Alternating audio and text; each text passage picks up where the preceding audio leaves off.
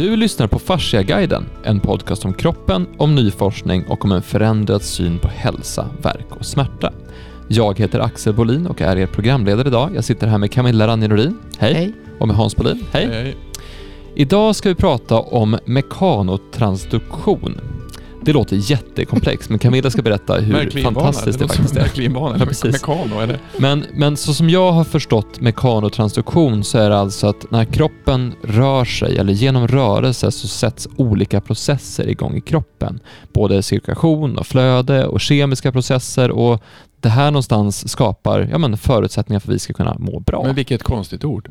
Ja, Mekanotransduktion. Alltså me mekanisk omvandling av eh, mekanisk belastning till, till kemisk. Men mekanisk, Information. mekanisk belastning. Ja, det, det är ju Mekanik. rörelse. Ja. Rörelse, men det skulle Jo. heta rörelse istället. Eller rörelse. Det, vad handlar Jo, det? jo, men men nu heter det Men, men, det, mekanotransduktion. men det är samma sak, det är samma sak som, som biomekanik. ja. Det blir alltså biomekanik. Ja, jo, alltså, det kommer hur- från den, den gamla tanken om biomekanik. Men det, det är ju, betyder i alla fall hur kroppen tar emot och tolkar mekanisk belastning. Rörelse. Mm. Mm. Precis, för så fort vi rör oss så rör sig ju princip varenda cell i kroppen får ju Mm. någon slags eh, Så egentligen skulle, ordet signal. heta, egentligen skulle ordet heta rörelse skapar ide- skapar saker. Motion transduction. Mm. ja. emotion transaction. Ja men det, det låter mycket bättre. Men nu heter det i alla fall mekanotransduktion och någonstans är det så att när vi tog fram vår forskningsdatabas, första Ja. embryot som skulle laddas upp, då fick vi sätta oss och kategorisera alla artiklar. Vad, vad ska det här vara för någonting? Är det anatomi och fysiologi, vilket typ Mm. allt var, så den Mm. kategorin blev överbelastad. Men vad handlar om eh, eh, ja, men, histologi eller handlar om, eh, om ryggen eller handlar om Mm. värk och smärta eller handlar om hit och dit. Så olika typer av kategorier. Och en kategori som var väldigt omfattande i den första genomgången var just mekanotransduktion. Mm.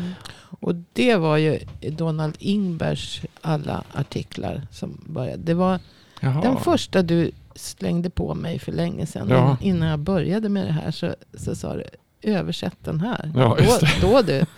och, och det var, det Är det var, gjort alltså, det? Det är inte gjort än? Nej. Nej. jag har inte översatt den. Jag har ju läst den. Men jag, jag kom på det häromdagen. Att den, den där borde jag kanske översätta. Ja men den var, Den, ju, den den är The Architecture of Of Life. life. Mm. Eh, Donald Ingberg. Jag kommer inte ihåg. Den är från början. av 98. 98. Ni har tänkt på säga, säga det från millennieskiftet någonstans. Ja. Och den handlar ju, det var ju där han, han eh, började skriva om det här med cellskelettet. När jag tog examen från Ultuna 85 Ja. så pratar man inte om cellskelett. Jag hade inte hört om cellskelett förrän jag, när jag började på osteopatutbildningen och pratade om mikrofibriller. Jag bara, vad, vad är det för någonting? Ja. Och cells, alltså, vi pratade om celler och alla organeller som finns i cellen. Men inte om det här cellskelettet. Mm. Och hur det eh, och det är ju självklart. Att, alltså det, är det, det har jag pratat om förut. Mm. Men, men att det finns alltså eh, spännings... Eh, ja, aktinfibrer.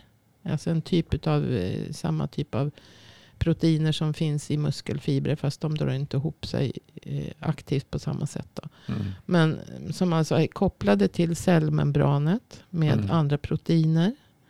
Och sen är in till cellkärnan. Så att när, när cellen så att säga, får en påverkan utifrån att den trycks ihop för att vi rör oss. Eller så. När, när vi rör kroppen så är det klart att cellen formas om. Mm. Och, och det, den är ju i sin tur kopplad i de här membranproteinerna då, som också är då eh, stretchkänsliga så att säga. Och så är ju de kopplade till kollagenfibernätverket, alltså hela fascian utanför cellen. Till hela det Och här. ex- kommer också påverkas. Ja.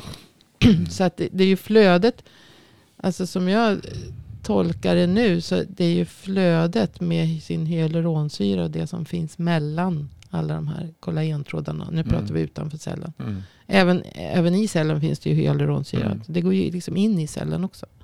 Och vattnets fjärde fas. Ja. Vattnets fjärde fas, om man- istället för att säga vatten easy water eller vattnets fjärde fas så kan man ju, alltså det, han säger ju att det beter sig ungefär som äggvita.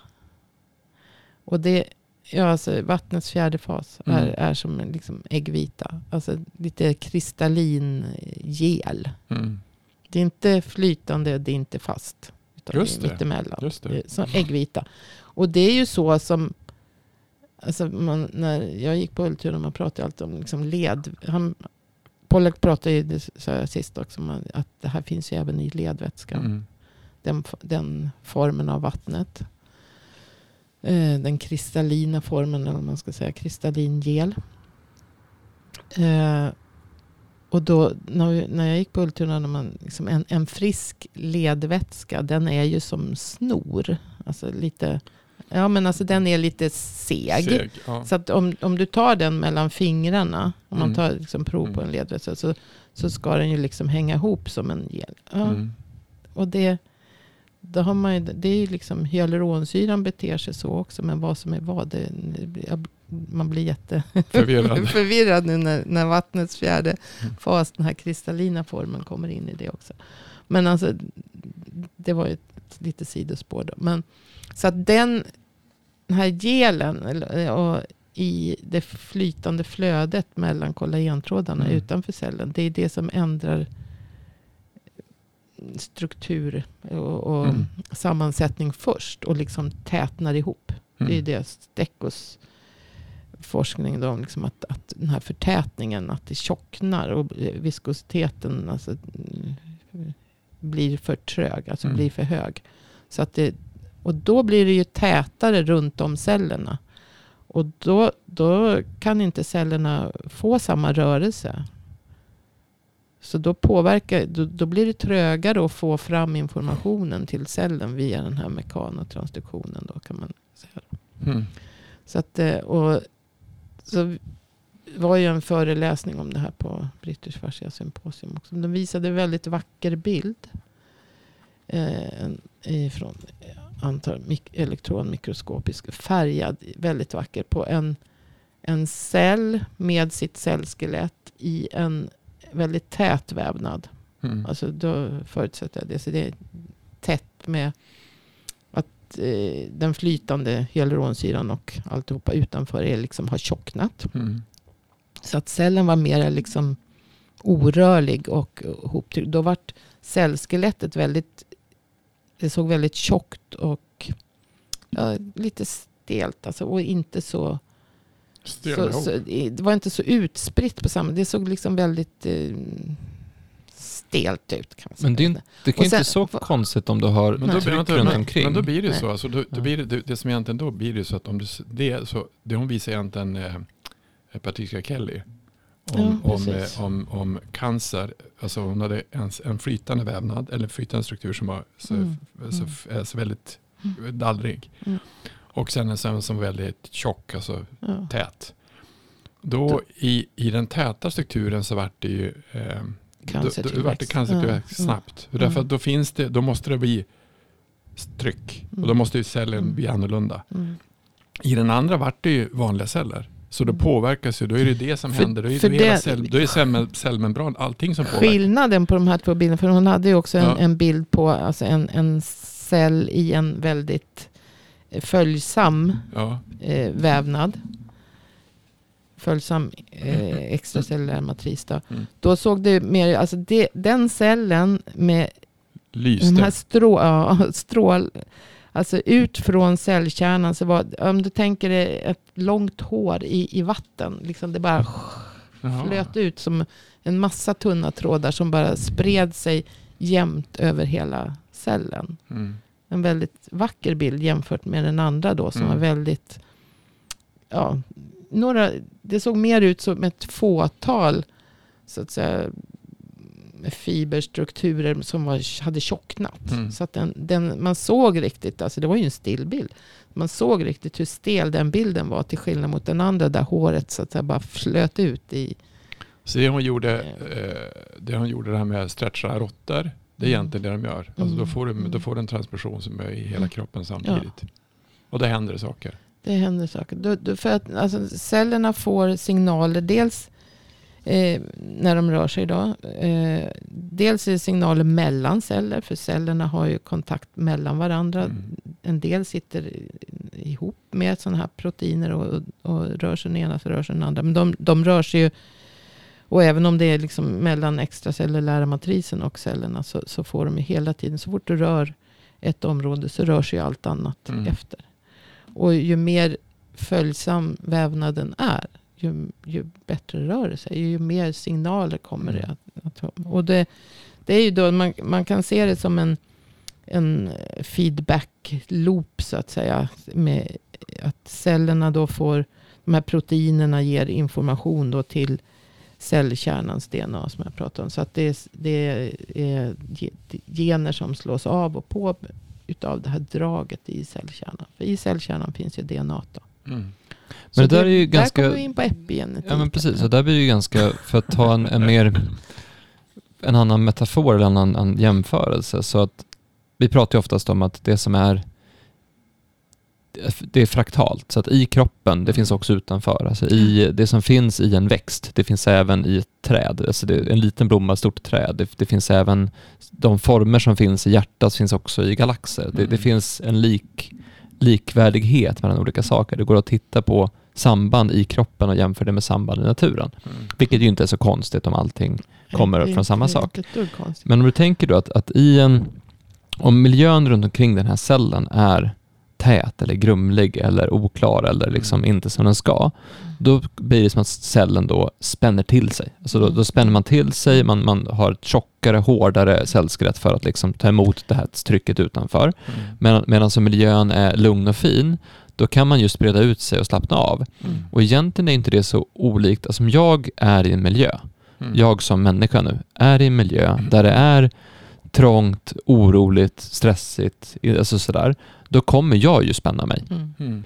Armbågarna ut. Ja, men är jag liksom i en miljö där allting är bara harmoniskt och mysigt, då kommer jag ju kunna slappna av och breda ut sig. Mm. Det är jätteskillnad på att till exempel vara mitt i en folkmassa eller att vara på ett spa. Mm. Mm. Och då blir ju det samma princip som sker i kroppen. Mm.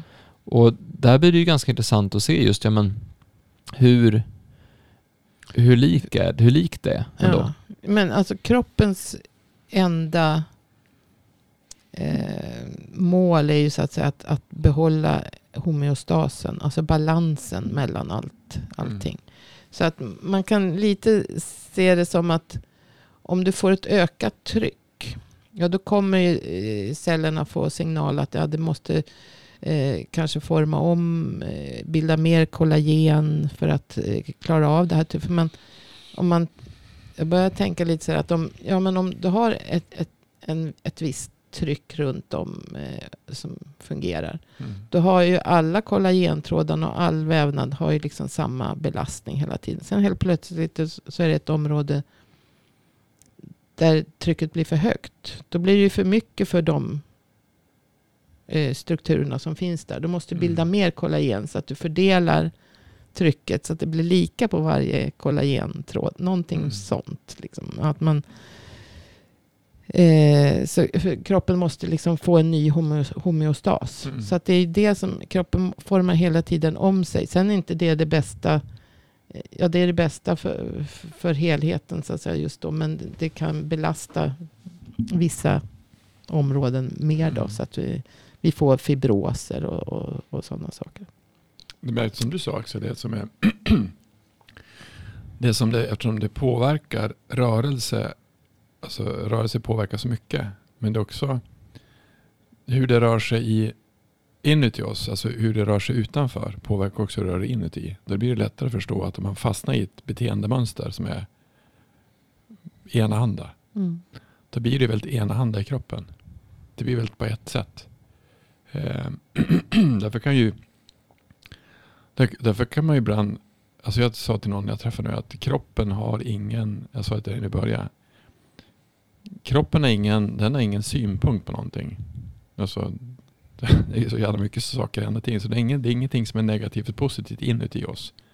För att det händer, hur många celler dör det varje sekund? Det dör ju celler hela tiden, det föds celler hela tiden. Mm. Så det är liv och död hela tiden. Mm. Eh, Men, men det, lite som naturen, för naturen är också så att där är ju inte död är ingenting dramatiskt i naturen och liv är ingenting dramatiskt heller utan det är bara som det är. Nej, precis. och så tror jag det är i kroppen. Alltså, när man, men det, man, det kroppen kan vara less på, den vill haka upp oss. Alltså vi, vi, vi, där vi, vi duger inte, det räcker inte. Vi räcker inte till. Jag är inte bra nog.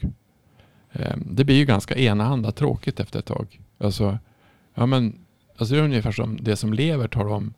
Vi är ju här. Det är okej, det är här. Vi händer ju saker och ting.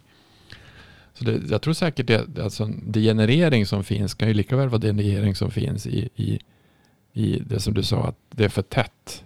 Mm. Det är, en, det, det är en degenererad cell men det kan också vara en degenererad sätt att se på sig själv. Att livsmiljön blir konstig. Blir det för tätt så måste ju liksom, då får ju cellerna hela tiden ett, ett högt tryck och då bildas det mer vävnad för Ja. att stå emot det trycket.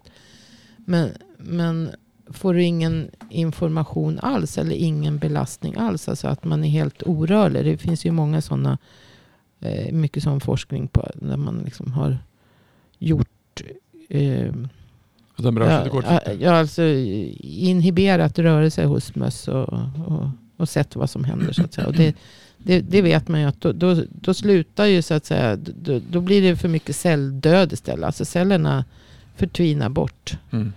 Och, och apoptos, alltså att de tar död på sig själva. För att då, då behövs ju inte den här vävnaden. Om Mm. den ändå inte eh, rör sig och får någon information att det här ska ske. Utan det, det som är... Alltså cellerna får ju då information utav rörelsen. Om de ska dela sig eller om det ska, de ska differentiera till andra celltyper. Mm. Eller, Mm. eller eh, ja, vad, vad det är för ämnen som ska bildas så att säga. I mer hyaluronsyra, mer kollagen, mindre kollagen eller, och bilda olika enzymer för att bryta ner och, och bygga nytt så att Mm. säga. För att strukturera om kroppen. Det där har vi också pratat om förut. Men det, Men jag tycker det är intressant, för jag tänkte inte på, det fanns ju någon sån här eh, studie som visar på att om du ger någon uppmärksamhet, alltså vi säger att du ger någon väldigt positiv feedback, eh, och så ger du någon väldigt negativ feedback, eller alltså du är arg på någon. Så att om du tycker mycket om någon, är snäll mot någon eller om du är arg på någon, båda de är bättre än att ignorera någon. ja. mm. Så att, att, att inte, att ignorera något, eller liksom bara totalt sett så, Mm. då dör det. Mm. ja. Och det är lite samma sak med precis, kroppen. Att det är ja. bättre att göra någonting dåligt med kroppen eller någonting bra med Mm. kroppen än att inte göra någonting alls. För Mm. det man inte gör någonting alls med, det, det behövs ju inte. Det är ju Nej. onödigt, säger kroppen. Men därför kan ju... Det är som, därför All kan, uppmärksamhet är bättre än ingen uppmärksamhet. därför blir det ju så att därför blir det att vissa behandlingar måste, man måste man nästan få dem att förstå att jag hade några som, har- som har varit eh, alltså det som har varit jättesjuka länge. Ja, men du, du, du, du kan ju ändra det men du kan inte fokusera på sjukdomen. Du måste fokusera på att bli frisk. Men så har de, inte, har de varit sjuk. Det var någon jag träffade, hon hade varit sjuk sedan hon var 21, 25 år gammal. Ja, vad hände då? då? Någonting hände. Ja. Och så har det hänt mer och mer och mer saker. Men sen är de bara inne i, vad är det för fel på mig? Vad är det för fel på mig? Men det var ju bra för 25 var det bra. Vad gjorde du då? Alltså vad, vad hände? Och det blir att, att du kan ju också fokusera all energi på, att- på, på fel saker. Och det blir ju bara, det blir ju det som blir då. Istället för att man kan fokusera på det som att hitta en annan väg ut. Så att alltså kropp, alltså fascia och kroppen är mycket mer helhet än vi tror att den är. Om jag säger att det inte går så kommer det inte gå. Det, det, det Nej, går, men det, det blir inte så konstigt om du tar tillbaka till det här med att, att eh, det är att liv och död inte är så dramatiskt för kroppen. Alltså liv Mm. och död är inte så dramatiskt för naturen. Alltså saker som i naturen så är det på ett speciellt sätt och våran kropp är ju av naturen. Det, det Mm. kan väl alla hålla med om att Mm. den är så. Sen så det som är i oss, det är någonting, en annan diskussion. Det pratar vi lite om det i det här Vad är kroppen-avsnittet. Mm. Men vad vi är, det om vi är, om vi är kroppen eller om vi är kroppen och någonting annat ihop, det är en Mm. annan diskussion. mm. Men oavsett vad, så om kroppen är... För kroppen är liv och död inte dramatiskt, därför det dör och föds celler precis hela tiden. Mm. Om jag då har en rädsla för att dö, eller om jag har ångest, det är ju... För i naturen så djur blir ju rädda. De kan ju bli rädda i stunden för att det händer någonting. Men de går inte runt och bär på en rädsla när allting är frid och fröjd. Nej. Utan då är det ju liksom, man är rädd och så är man rädd och så är man arg och så är man arg och så är man så och så är man så. Mm. Så snabbt till känsla, snabbt tillbaka, snabbt till Mm. känsla, snabbt Mm. tillbaka. Men vi är märkliga för vi kan ju gå runt och älta saker. Vi kan ju gå Mm. runt och, ja men som sagt, rädda för att dö. Vi kan ha ångest, vi kan ångra någonting vi har gjort tidigare, vi kan gå runt och oroa oss. Alltså vi har ju en annan typ av medvetenhet kring just det. Och då blir ju det en känsla som egentligen inte har någonting alls med kroppen att göra. Eller för kroppen blir den konstig Mm. om kroppen tycker att liv och död är odramatiskt och vi är jätterädda för att dö, då blir det en det blir ett märkligt tänk. För rädd för att dö var man ju inte i andra kulturer på samma sätt som i våran heller. Där, vilda djur får ju inte liksom den. De har ju tillfällig stress, akut. Och sen så att bort. Ja. Och sen är det borta. Men om vi tänker på våra tamdjur så är, är det nog många som... Alltså de tycker- djur vi håller i, i fångenskap har ju frukt. Men de utsätts ju för stressen precis hela tiden. Så de blir ju inte av med den. Men jag tror att det som är ganska intressant, att det som Axel sa med rädsla, det, det, vi, jag behandlade en, en kvinna jättelänge sedan. Och, eh, och jag tror att hon hade varit med om en sak när hon var barn och jag var typ fyra år gammal. Och det som var intressant med den storyn, det var att hon var inte rädd för att dö. Alltså barn är inte rädda för att dö. Barn lever. De har ingen, de har ingen, de har ingen åsikt vad död är för någonting. Så hon hade, hon, hade fått, hon hade fått cancer och så hade hon sagt till så för vad sa din mamma och pappa? Sa de att det fanns hopp? Ja. Ljög de? Ja. Vad sa läkaren? Sa att det fanns hopp? Ja. Ljög han? Ja. Så hon fick uppleva, hon fick se hopplöshet i ansiktet. Men hon var inte rädd. Hon var inte rädd för att dö. Det häftiga när man träffar, jag har ju träffat en del, eh, några människor som har varit nära, en, en kille som jag träffat, som, eller flera stycken som har varit nä, nära att dö. Alltså som din kusin och jag träffade en annan som var, han var påkörd av motorcykel i ett grustag så han dog fast han överlevde i alla fall. Blicken de här har, de är inte rädda. De är inte rädda för något. För har du sett det i närhet, eller du har du sett, jag såg ju när, svär, ju när svärfar dog, alltså har du sett folk som dör, då ser jag, jaha, det var inte mer än så när de far iväg. Eh, och det är ganska intressant för att det, det är som i, i många kulturer så, så säger man var inte rädd. Jesus säger det att var inte rädd. Och utav allting så var inte rädd. Det finns ingenting att vara rädd för utan gå er egen väg. Var inte rädd. Och naturen, djuren är inte rädda. De är rädda ibland när det händer någonting. Sen blir de av med rädslan. Men vad händer om man hela tiden blir präglad utav att nu är det kris. Nu är det det. Nu är det det. Nu är det det. Det blir ganska jobbigt. Det var någon som sa till mig, en kille som jag hjälper med nu, han sa att han, han lyssnar inte på tv längre för det är bara dåliga nyheter. Han har alltså tagit bort det. Det skulle ju finnas något program med bra nyheter istället. För det finns ju alltid någonting roligt. Mm. Men hur mycket, vad händer egentligen, egentligen med kroppen om vi hela tiden utsätts för rädsla och stress? Ja, men det som är intressant är för man, man ser rädslan för döden som något som är ett, ett, ett feltänk, säger vi. Alltså Mm. någonting, vi säger att rädsla för döden egentligen inte bör finnas. Det, det, är, någon, det är ett påhitt som vi Mm. går runt och tror på. Om man tar bort rädslan för döden och så ser man vad, vad finns det då för andra rädslor kvar? Mm. Och det är inte så många, de flesta rädslor man har, har oftast, men det är någon aspekt på rädsla för döden som, som kommer. Alltså oro för att det ska hända någonting ja. och att någon ska skada sig. Men det är också den döds... Alltså det, det kommer, mycket rädsla kommer från den roten. Så att blir Mm. man kvitt den, och det kan det då bli genom att lära känna din kropp. Mm. Dock har vi hamnat en bit ifrån mekankonstruktioner, vilket kan bli ibland när man pratar om sådana saker. Om vi säger så här, varför ville du ta upp det ämnet? För du, du, du, du var ju alltså på British Fascia Symposium och då var det sju timmar om dagen, tre dagar i rad. Alltså 21 timmar föreläsning. Ja, det var ju mer det, för det var ju dubbla, Det var ju mer till och med, dubbla ja. föreläsningar. Så Mm. det Av det så kom du fram till fyra stycken saker vi vill prata om. Och två av dem pratade vi i förra Ja. avsnittet. Och varför valde du ut med det här? Ja, men Nej, men därför att just den, alltså, jag säger mekanotransduktion kom jag ju i kontakt med då när jag läste Ingbergs rapporter. Han har ju skrivit en hel del då på 90-talet där och början av 2000 om det. Om eh, eh, cellskelett och mekanotransduktion. Men det var ju för att den föreläsningen var, den, den påminde mig om det. Och eh, det var en väldigt pedagogisk för, ett väldigt pedagogiskt föredrag. De var väldigt strukturerade och duktiga. Men, men så, så det, det var mer att jag fastnade för att det, det där är ju faktiskt jävla intressant. Hur, hur kroppen, cellen påverkas och hela tiden får signaler. Hur, hur ska jag, vad ska jag bilda för någonting? Eh, vilka gener ska slås på? Vilka enzymer ska bildas? Ska jag, ska jag dela mig eller ska jag dö? Eh, ska jag... Är det därför, alltså, om du tänker den då, för metaforen som Neil T sa om livet, han säger att livet kanske mer är som en myrstack. Mm. Alltså om, Ja, om, om, om myren är ute och går Mm. Så vad gör de?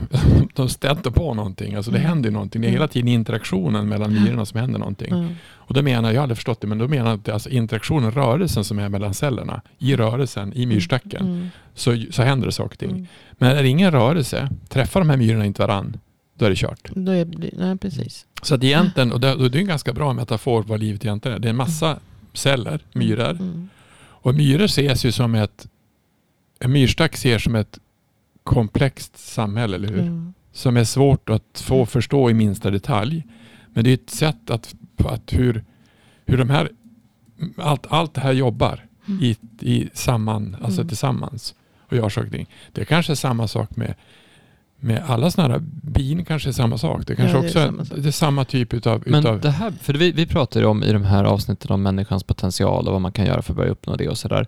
Då pratar vi om vikten av att sätta saker i rörelse som en Ja. fundamental princip för, för, för livet. Eller Ja. för, vill, vill man att något ska hända så sätter man saker i rörelse och någonstans släpper kontrollen. mm. För det vi egentligen pratar om nu med mekanotransduktionen är ju det här självorganiserande, alltså decentraliserat och självorganiserat som kroppen faktiskt är. Att, och då blir någonstans nästan all rörelse blir nästan bra rörelse för att Mm. rörelse i sig skapar någonting och Mm. rörelsen i sig gör att kroppen själv gör det kroppen ska göra så att det blir ett sätt att släppa kontrollen. Alltså, ju mer rörelse jag får i kroppen, Mm. ju mer fart, ju mer flöde, ju mer saker som händer, Mm. desto mer kommer kroppen själv att kunna tillverka det den ska tillverka för att den vet det.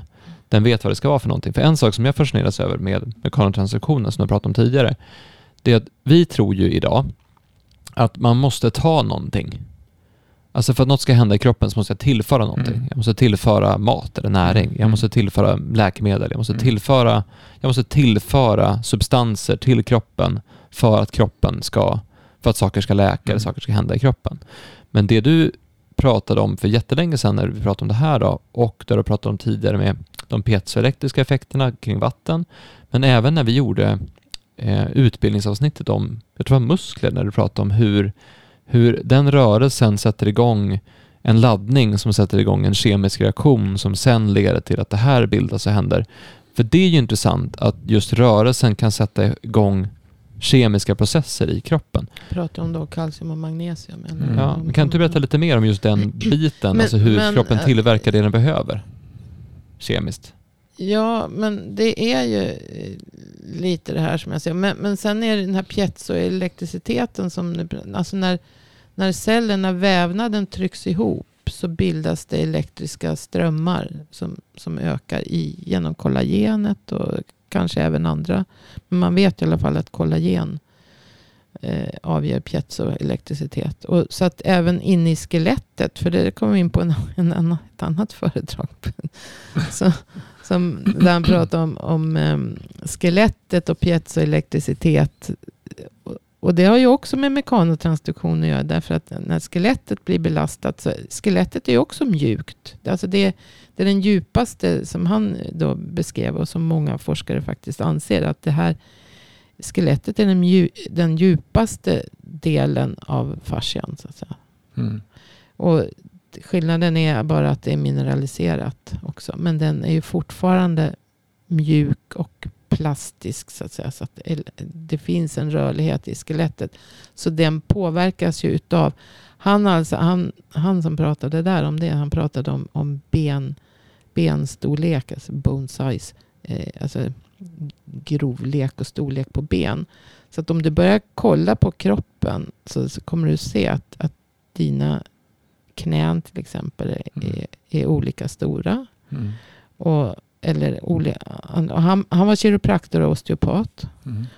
Han behandlade jättemycket skelettproblem bara med händerna. Mm. Och det blev ju också sådär så att han, han med biotensegrityn, där kommer den in. Liksom med Mm. hur, hur vävnaden, liksom, han trycker ihop den och det blir en piezoelektrisk eh, signal. Alltså vi är ju fulla av, av mikroströmmar. Mm. Och infrarött ljus och allt det där. Så, så att det, det, blir så, det blir så komplext så att det, det är därför jag säger det snurrar fullständigt i, i Men jag hörde, jag hörde en kurs, Eh, men, då måste säga, det var en kurs som jag hörde på, han sa, det var jättelänge sedan, han sa att el är ganska fascinerande. Du kan, du kan koka ett ägg Och du kan koka en person. Du kan döda en person med el också. Det är hur mycket som helst. Men han sa att egentligen om vi skulle komma på, om vi skulle hitta ett sätt att transformera elen som finns i oss, Mm. den, den Mm. veteströmmarna som Mm. finns i oss, Mm. så skulle vi kunna försörja en hel stad. Jo, och det, men det var det. För, för han, han, han läkte ju alltså skelettskador med, med röntgen. Alltså, Ja. hade tagit alltså en röntgenbilder på att, att det var ett brott på tibia. Mm. Eller, alltså, kanske inte helt brott, men, Mm. men, men en skada. Och han sa på typ en, två behandlingar, så nästa röntgenbild så var det där läkt. Och då hade det liksom, den där skadan hade varit väldigt, väldigt länge. Alltså i månader. Jag tror det Mm. var något också som han pratade om att det var i, liksom i fem år. Ja, Och ja, sen bara på ett par behandlingar att han så att säga trycker ihop. Han tryckte, det är lite som med våran Kompre- avlastning, ja, ja, kompression, alltså utav skelett och leder. Att man så att säga avlastar området och då vi, visar han, det, det är liksom biotensegrity-modellen, Mm. trycker ihop och utav det så bildas det elektriska strömmar. Mm. Eller det, det har du hela tiden, men det, de ökar och, och flödar fortare. Och vad gör de här elektriska strömmarna? De stimulerar då cellmigrering ja, och de tillväxt. stimulerar och... cellmigrering och ger sig- signaler. Alltså sig- signaler mellan celler och precis på samma sätt. Vi hade ju, Så, alltså, jag, jag, så, så, så att det blir liksom en ökad celldelning eller en minskad eh, celldelning eller omfördelning av celler. Och, ja. Vi hade ju, vi, hade- alltså det, det här är faktiskt en sann historia som har hänt. Det var ganska intressant. Ivar han hade, han spelade fotboll och sen så eh, gick han upp i en närkamp med en målvakt eh, och han vann närkampen och nickade in bollen. Han vart avblåst för, så samtidigt som målvakten hoppade in i han så att han fick en, en han upp och nickade och så fick han en rotation och så föll han rakt ner på, på, på säckrum eller på svanskotan. Och han låg kvar där så vart han avblåst för han hade ruffat. Så det vart inte ens mål. Och Han vart ju rätt besviken på det också. Han bara, och när han, så kom jag in där, sprang på, banan, på planen och så sen så, så han, rör mig inte sa han. Rör mig inte. Och, och så då sa jag att ni måste ringa efter ambulans, så gjorde de det. Och sen så, eh, eh, så, ja, kände jag efter om han kunde röra benet. Och som det, han hade då sa att han hade brutit en, ryggen, han hade gjort, men han hade ju jävligt ont. Så kom jag in på sjukhuset så tittade han tittade han på mig där. Det var första han var på sjukhuset, när han var gammal. Och sa han.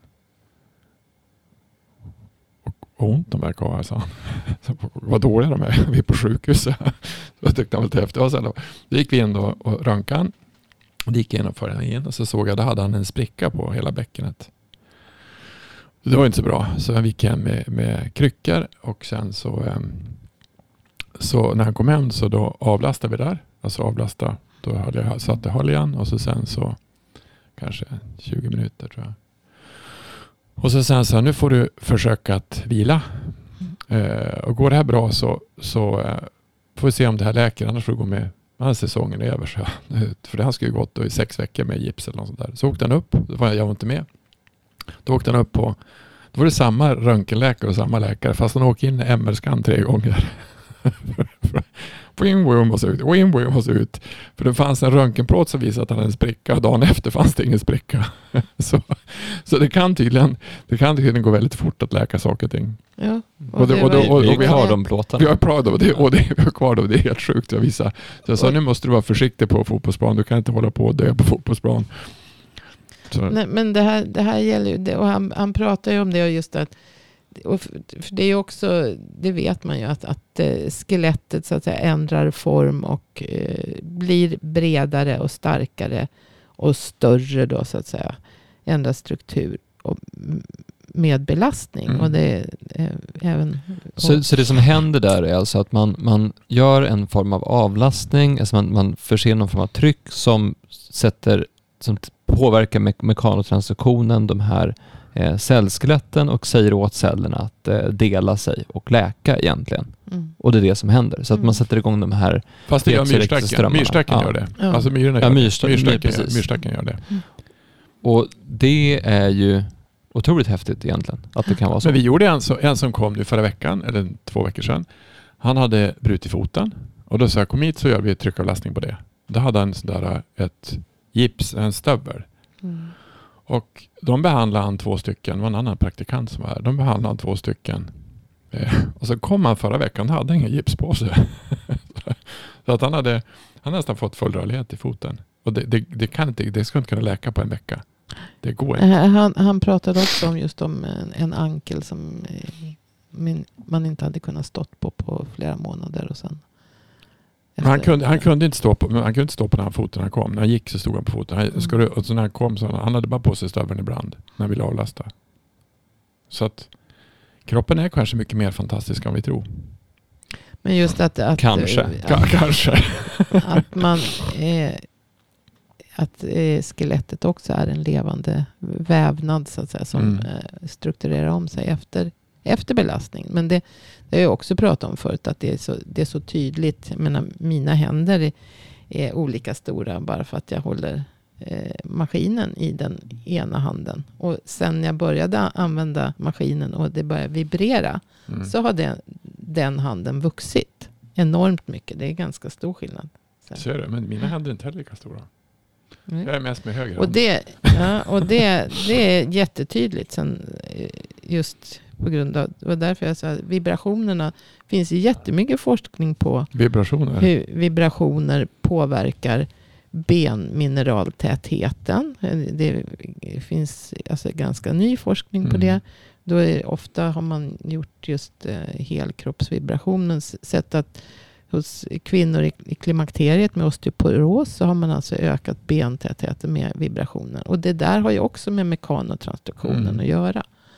Eller hur? Det blir, ju- det blir ju ja, rörelse. Ja, ja, ja det blir en, en rörelse. För, och sen man har, finns någon forskning på eh, man behandlar folk som ligger på IVA.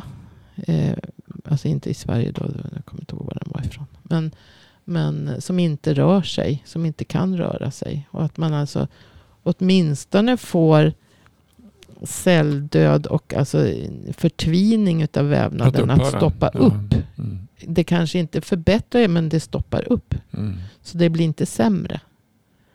Och, och, så det finns, som- det det var finns ju- mycket som och man har gjort försök på. på Alltså, då, då det som hände egentligen när vi behandlade han som hade eh, dropfoot. Han hade ju haft den i fem år och Mm. vi behandlade han totalt, vi har ju film på det, det var 35 minuter. Han fick igång sin fot på 35 minuter. Och då var det förmodligen det som hände då. Ja, alltså det påverkar även nervcellerna. Det är ju också, det är också celler så att Mm. säga, som påverkas på, på samma sätt. Det, han nämnde också en, en forskare som, som är psykiatriker som hette um, eh, Norman Doidge. Mm. som har skrivit flera böcker om eh, den senaste tror jag, 2016, The Brain's Way of Healing. Just att, att eh, han menar på att det, hjärnan, det går att få hjärnan att läka och ändra eh, struktur också. Med, Mm. så, så att, eh, Hur då? jag har inte läst boken, men jag, har inte, jag har inte hunnit skaffa den än. Utan det, Men vi kommer väl göra, vi har ett då? Då? uppföljningsavsnitt om det där sen, för vi var inne på ditt Alltså, avsnitt han, också han själv här nu som pratade om hur han ändrade benstrukturen och, Mm. och så med hjälp av Levins då, eh, biot- ja. biotensegrity-modeller så att säga. Och eh, piezoelektriciteten och så. så. För det pratar han om hela tiden, att, att piezoelektriciteten och våra, våra mikroströmmar i kroppen så att säga Mm. Eh, signalerar ju och, och får kroppen att ändra strukturer. Men han, han eh, det var ett, ett barn som hade fötts med, han visar bild på, med helt sned skalle i tilltryckt. Mm. Eh, och, och det hade ju alltså hänt i, på fosterstadiet då, så den föddes liksom med helt sned. Och det, det fick han efter en behandling. Och då, då höll han ju och tryckte bara. Det var ju ett exakt, eller relativt exakt tryck. Så det var inte speciellt hårt Nej. som man liksom använde sig utav. Eh, Jag hade, för, för, att var, få, var, för att få liksom att forma om skelettet. Och, och helt plötsligt så var huvudet, skallbenet alltså helt runt. ja. Och det var bara efter en behandling. Och likadant var det någon som hade fått en smäll, kollisionssmäll i, i huvudet. Så att man såg, han tog bild på och såg liksom hur, hur den, en, den ena sidan vid pannan var helt intryckt. Mm. Och den andra var mer rundad. Och sen efter en behandling så hade han fått en relativt jämn Mm. och lika. Vi hade ju, vi hade Så att det går att göra saker. vi hade, när jag var uppe i Umeå nu så var det en släkting som till, till eh, oss, som, eller till Susanna, alltså med, ja, med, låt oss, ja, spelar ingen roll. Eh, och hon hade, de hade fått barn och barnet var eh, vinnögt, alltså, men bägge åt håll. Alltså. Det var inte bara en sida utan det var så här. Alltså ganska vindögd. Och då får jag säga, hur gick förlossningen? Och hon, den här tog ganska lång tid. Alltså två dagar, tre dagar.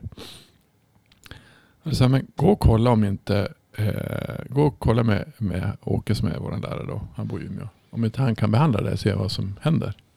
För det är förmodligen för mycket tryck i pannbenet.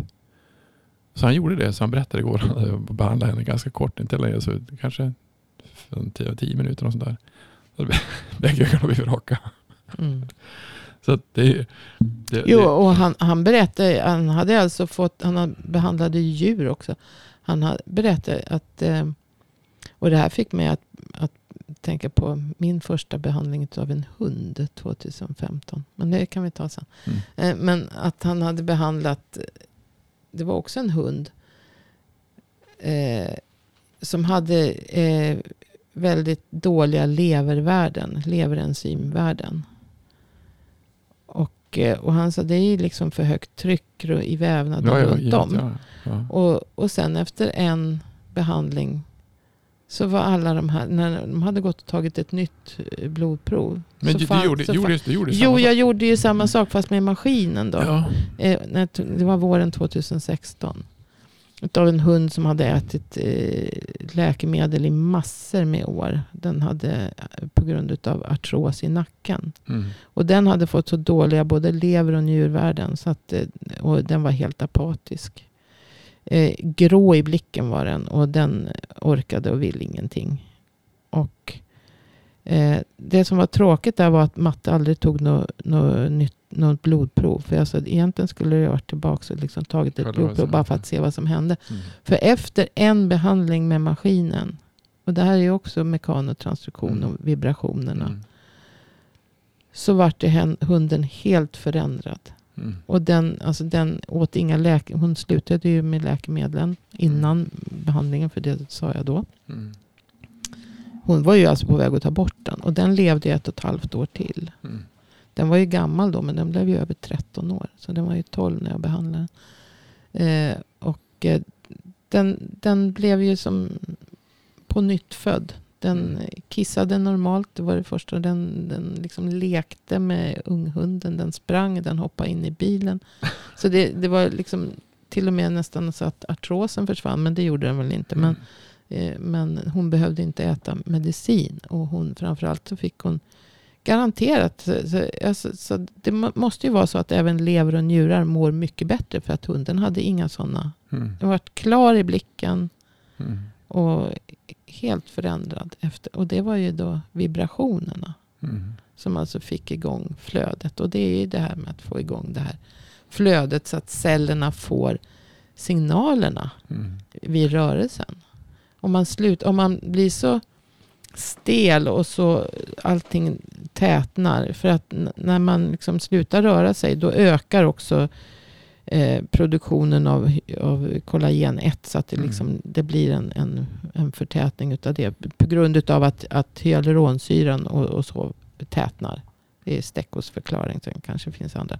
Men, men det är ju så han, han, alltså när man slutar röra sig så, så blir allting mycket mer visköst. Alltså mer trögflytande. Och det blir den flytande delen med bland annat hyaluronsyra blir tjocknar. Och det kallar han för förtätning. Mm. Och så, utav det då så kommer kollagen eh, proteinerna alltså inte att röra sig. På, sätt. de slutar också röra sig därför att det blir för tätt, det blir för Mm. trögt. Och då kommer de komma närmare och då kommer det bli eh, tvärbindningar mellan Mm. de proteiner, mellan kollagenen. Och så blir det stelare och så blir det stelare och så blir det stelare och sen liksom växer det där på. Och sen till slut så har man en fibros. Mm. Och det är det han menar. Att då har, man, har det gått så långt. Då är liksom går det för långt så är vävnaden förstörd. Alltså i alla fall när det gäller, Mm. man menar ju på att även lever, blodkärl, allt sånt eh, utsätts för exakt samma Ska du översätta den här The Architect of Life? Ja, då? kanske det. Nej, men så, så man säger så här sammanfattningsvis då. Hyaluronsyran är inte med där kanske. Kan, vi, kan, vi, kan vi lägga till den då? Mm. Så mekanotransduktion, det är alltså eh, den forskning som finns på hur en rörelse, en mekanisk belastning påverkar på cellnivå så att cellerna gör saker på olika Hur, sätt. hur kroppen eh, tolkar mekanisk belastning och ger signaler till... Och det är all typ av belastning. Det kan vara att man går, det kan Ja. vara att man hoppar hopprep, det kan vara att man tar på varandra. Beröring blir viktigt i det här fallet kan jag tänka mig. Mm. Eh, olika typer av tryckavlastningar som jag pratat där- om. Därför blir, berör, därför blir behandling med Beröring är jätteviktigt. beröring, alltså beröring, alltså beröring och behandling med eller utan maskin är ju ett sätt att stimulera mekanisation på ett andra ställen. Alltså eh, visuellt eller organ eller andra saker som kan göra. Det är ju svårt att göra. På, alltså, Ja, men och därför blir en, en, den rörelsen, alltså den rörelse som skapar, skapas beroende på omfånget och så vidare, kan då ge liv till saker som varit dött eller, eller få fart på saker som har Ja. stått stilla. Vi har pratat om, om skelett som har läkt och vi har pratat om, om kemiska processer i kroppen som frigörs. Och vi har pratat om, det finns, det, när man väl sätter saker i rörelse så finns det eh, helt fantastiska saker som kan hända i det här. Mm. Och där har vi pratat lite grann om tidigare om just uh, rörelse som någonting som bygger upp och skapar liv och att cellerna då på det här decentraliserade, självorganiserade kaoset Mm. någonstans själv bestämmer hur den ska byggas upp sen. Mm. Så ju mer rörelse, ju bättre. Så mycket, mycket rörelse är jättebra. Ja, fast inte överbelastning. Det, Nej, det precis. Kan, det, Men- det men det är ger ju en rörelse och stress. belastning. Ja, Det Men alltså ändå, det, det, blir, det blir inte avsnitt 29, för då var det, eh, det var någon som jag jobbade med oss som sa att hon hade fått mycket bättre kondition utav att hon djupandades. Mm. Mm. För det blir djupandning är ju rörelse. Mm. Mm. Fast Ja, men då får du ju då får du rörelse, rörelse i över hela, hela, bålen. Ja, Mm. och, Och om vi inte det- gör det, så det är ju, därför var det avsnitt som handlade om andning. Jag använder det för eh, koncentration. Alltså när jag spelar golf. Då djupandas Då du. djupandas när jag ska putta. För då kommer jag ner och ser jag saker på ett annat sätt och då blir det mycket lättare. Men Men på samma sätt då som vi pratar om rörelse, alltså för mekanotransduktionen visar ju hur rörelsen faktiskt kan ha en extrem positiv effekt på kroppen och sätta igång en läkeprocess och göra alla möjliga typer av saker. Men på samma sätt så pratar vi också om död. Vi pratade om ångest, vi pratade om rädslor och hur det i så fall kan vara kvar i kroppen som en blockering. För frågan är ju då, om det nu är så här, alltså så fantastiskt att du med tryckavlastning eller typ en, den, den typen av behandling eller att få saker i rörelse eller, eller så kan läka saker som man inte hade en aning om kunde läkas förut som det här bäckenbrottet eller Mm. skelettet eller det här barnets huvud och de här Mm. sakerna jag tagit upp som exempel. Varför går det då inte ibland? Och då har vi ett svar i det i de här sakerna som bryter ner istället. Det här som, som är i vägen för kroppen. Alltså Mm. de här tankarna eller idéerna som har fastnat någonstans i, i vägen. Men där kommer vi till, för nästa punkt som jag vill ändå att vi tar i lite grann. En typ av rörelse som någonstans är eh, mekanotransduktionen fast i hybrid, det blir ju vibrationer. För att Mm. olika typer av vibrationer, och vibrationer kan ju inte bara komma maskinellt, det kan ju också komma av att du, av att du tar i någon eller att du skakar eller att du gör någonting. Men varför är vibrationer, vad är det, vad är det som händer med, Musik. ja, precis. vad är det som händer med vibrationer i kroppen? Ja, det, är ju, det, det måste ju vara lite samma sak. Alltså vi vibrerar ju, våra celler vibrerar ju i- hela tiden i kroppen. Mikrocirkulation, Vi- ja, den, har ju, den har ju precis. en rörelse. Så vi har utav de här mikroströmmarna och, och mikromiljön runt om cellerna så, så, eh, så, så är det ju vibrationer. Och när du tillför vibrationer utifrån så, så blir det ju samma sak. Att, att när flödet sätts igång utav vibrationerna så trycker det på då får ju cellerna pulser. Det drar ju i kollagentrådarna som drar i cellen om man ska försöka förklara det på något liksom mer Och då blir det enkelt så sätt. att om då pulserar, det- alltså jordens magnetfält, om det ska vara ostört som det var innan vi kom med elektricitet, Mm. det är ju en, en vibration eller en pulsering Mm. i kroppen Ja. i alla vilda djur som finns. Så tar du kontakt med det som jag har tagit upp i något avsnitt, att det är ju, med tsunamin var det inget vilt djur som dog. De sprang ju därifrån. Mm. Vi sprang dit och kollade vad det var för någonting. Det var kanske inte så smart. Men. Mm, ja, precis. Så då, då, då, då finns det ju ett, ett samband som, som djuren som är i magnetfältet känner. som inte vi känner. Djuren känner ju av, jag menar, du, du ser ju på ett djur direkt att de känner av dina, din eh, sinnesstämning också så att säga. Så du avger ju. Jag tror jag läste alltså, en det om om du är arg eller, eller ledsen så Ja. det, det känner ju en hund eller en en katt gång. direkt. Och även hästar. Alltså det ser man på dem att de, de reagerar ju direkt på det. Jag tror jag läste en bok som heter Synkronisering. Eller något där. Mm. Då handlade det om att en, det var en karl som var en antropolog som skulle träffa en shaman eh, i Mexiko för att titta hur vad de kunde för någonting. Och han som skulle guida han, det var han som var shamanen egentligen som han letade efter. Och så gick de in i, i djungeln.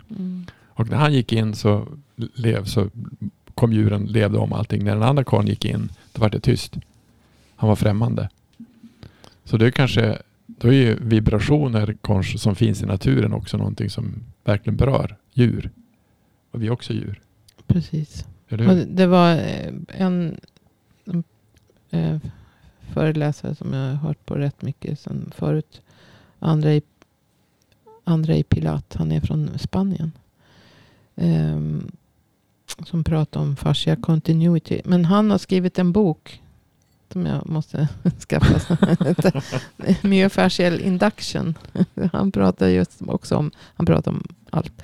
Men just om ja, induktion, alltså när vi tar i någon. Mm. Och, och, jag har inte läst den boken än. Men den, Men, men det som du sa egentligen om eh, vibrationer och strålning. Då, det vet när man tittar på magnet, alltså termografi.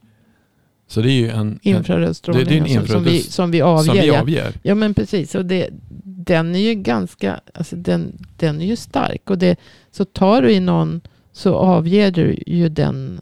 Och det påverkar vattnet i dig. Ja, Och det, det, påverkar, ja, det påverkar strömmarna. Och det, ja. Jag och satt det ju- påverkar i sin tur Jag satt och kollade på det. det var en, en, vi, vi använde det i den här forskningsstudien bara för att vi skulle slippa använda vinklar.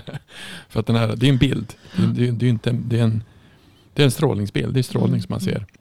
Men då var vi tittade på det jag och någon, kommer inte ihåg vem det var som var och kollade på det här. Någon, kanske var Karl. Eh, och då, jag kan- jag alla- men när jag satt på en stol, reste mig upp i stolen och gick, så fanns värmeavtrycket kvar i stolen. Ja, ja, ja, det kan du Och göra. jag, gick med, jag gick med skorna utan skor. Ja. Och det var vär- värmeavtrycken efter jag Men gick. du kan göra det med en häst som står med en metallsko. Ja. Alltså en metallsko Ja. känns ju ändå som att det, det är en kall metallbricka. Ja, Ställer du den och, och liksom bara flyttar den åt sidan så ser du hovavtrycket efter skon. Bara på den värmen. Du kan ju stå på 15-20 meter, kanske ännu mer. Och, och rikta... Eh, eftersom jag har en värmekamera Ja. så brukar som är ganska avancerad i alla Mm. fall. Så, så du kan ju stå på 20 meters avstånd och rikta kameran mot, alltså 20 meters avstånd från ett fönster Mm. och rikta kameran mot fönster, fönstret. Så får du bilden av dig själv. Alltså din strålning, infraröda strålning. Ifrån, Som går från dig 20 meter till Fönstret. fönsterrutan och studsar tillbaka till kameran som jag håller i. Och alltså så, det beror ju lite på hur känslig kameran man Ja. har. Men, men det, det, alltså det är jättehäftigt. Du ser bilden av dig själv i, i kameran då. Mm. Så, som alltså studsar på fönsterrutan och tillbaka. Mm. Och då är det inte alls konstigt att man känner någons närvaro i ett Nej. rum. Om man är Nej. ifrån så mycket värme Nej. också.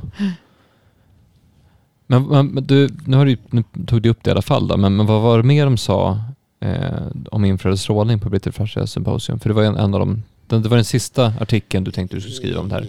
Ja, fast och det var ju på flera olika... Nej, men just det där, hur, alltså hur...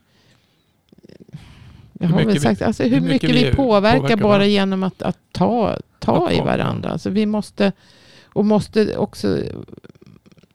Alltså terapeuten påverkas och eh, eh, patienten eller kunden påverkas. Men att man också måste vara närvarande. För de pratar liksom just om det där. Att man måste vara närvarande i stunden. Så man kan inte du, tänka på annat. För då, då kommer de här, den här infraröda strålningen att, att minska. Om du, om du själv är stressad eller liksom ur form. Då ska Mm. du inte behandla. eh, Men, därför att då minskar den här just. Eh, alltså du, du måste också vara på, på, på. Alltså den infraröda strålningen varierar beroende på hur du mår själv. Mm. Och då kan du inte, du kan inte så att säga, kamouflera det. Att du mår dåligt. Mm. Och det, det är det jag menar med djuren känner ju det direkt. Mm. Men eh, det gör även en kund, en människa. Alltså det, som, Mm. det som slår mig nu som är så kul är att man fastnar ju rätt i samma fälla själv. Eh, alltså jag var med i en podcast i häromdagen Mm. eh, som heter Maratonpodden, så jag tror det skulle komma i avsnitt i juli och de tyckte det var jättefascinerande att prata om fascia. Så att det Mm. var, jag tror jag pratade i, avsnittet vart 85 minuter långt, för de har säkert lite grann, men jag pratade 75 minuter oavbrutet om fascia och de bara, vi måste ha till avsnitt, det här är jättespännande. Och det är klart att om man aldrig har hört om fascia förut så blir det väldigt intressant, just Mm. för att det kan bli så, det blir så stort och så litet samtidigt.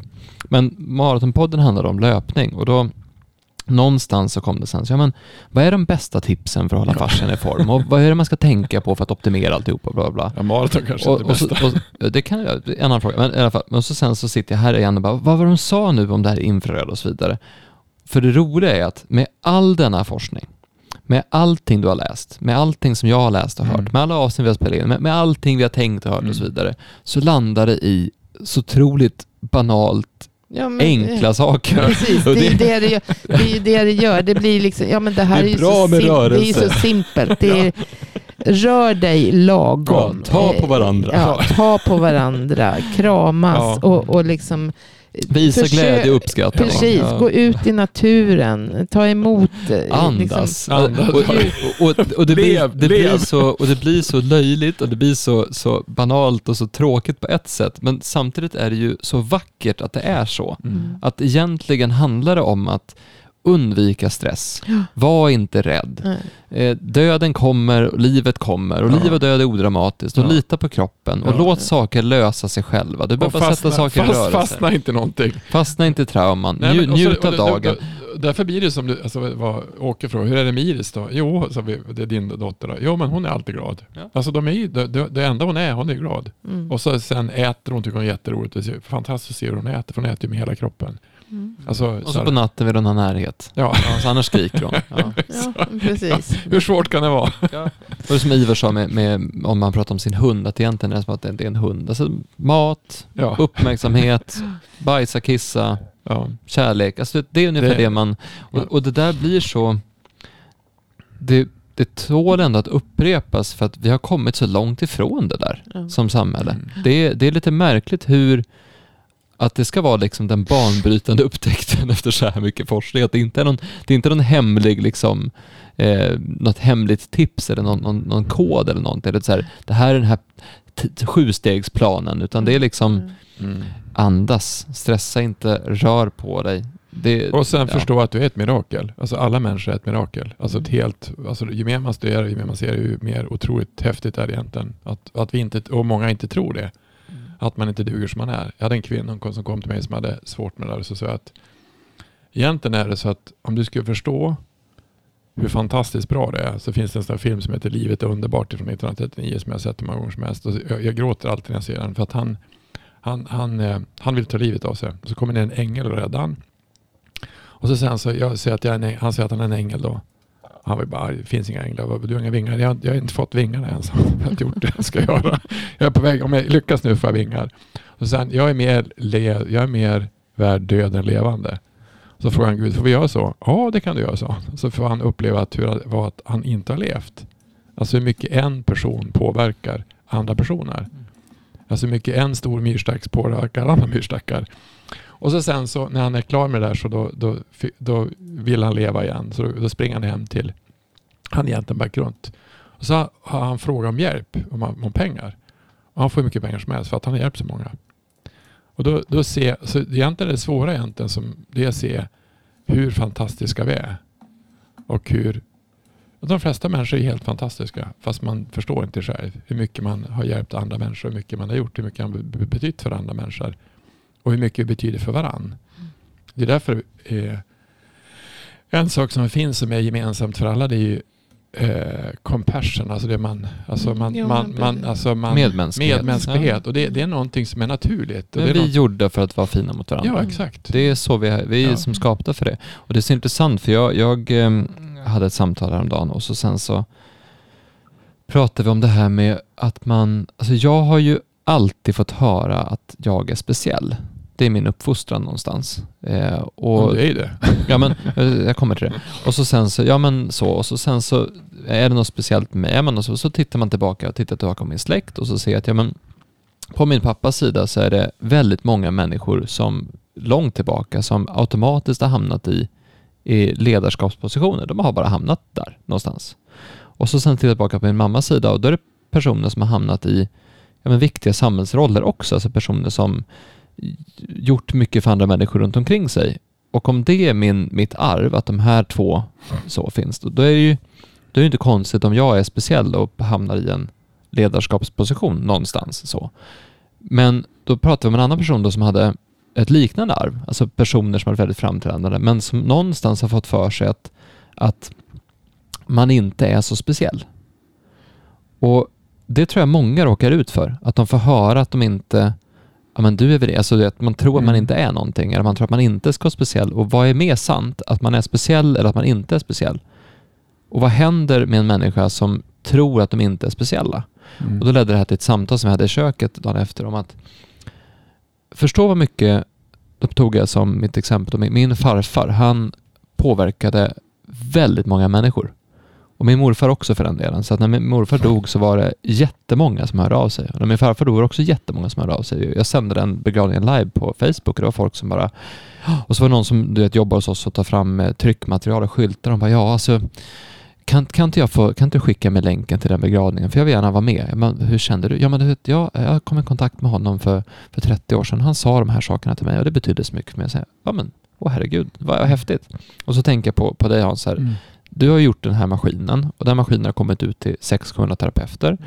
Och så sen alla människor som har behandlats, allt som har hänt, alltså många liv som, som du har påverkat. Alltså när man, man, man tänker inte på hur mycket man har gjort. Och så sen så, så, då, så satt eh, Ebba som jobbar med behandlingar i köket och sen sa hon så här, men du Ebba, vad, vad, hur mycket, vad, vad har du gjort? Alltså vad har hänt? Jo, men, jo, nu när du säger det, alltså, det är ju rätt många människor som man har behandlat. Och tänk vad, det, vad som har hänt med de människorna som, om vi säger att jag har behandlat någon som haft ont väldigt länge och så Mm. vidare, den personen bra.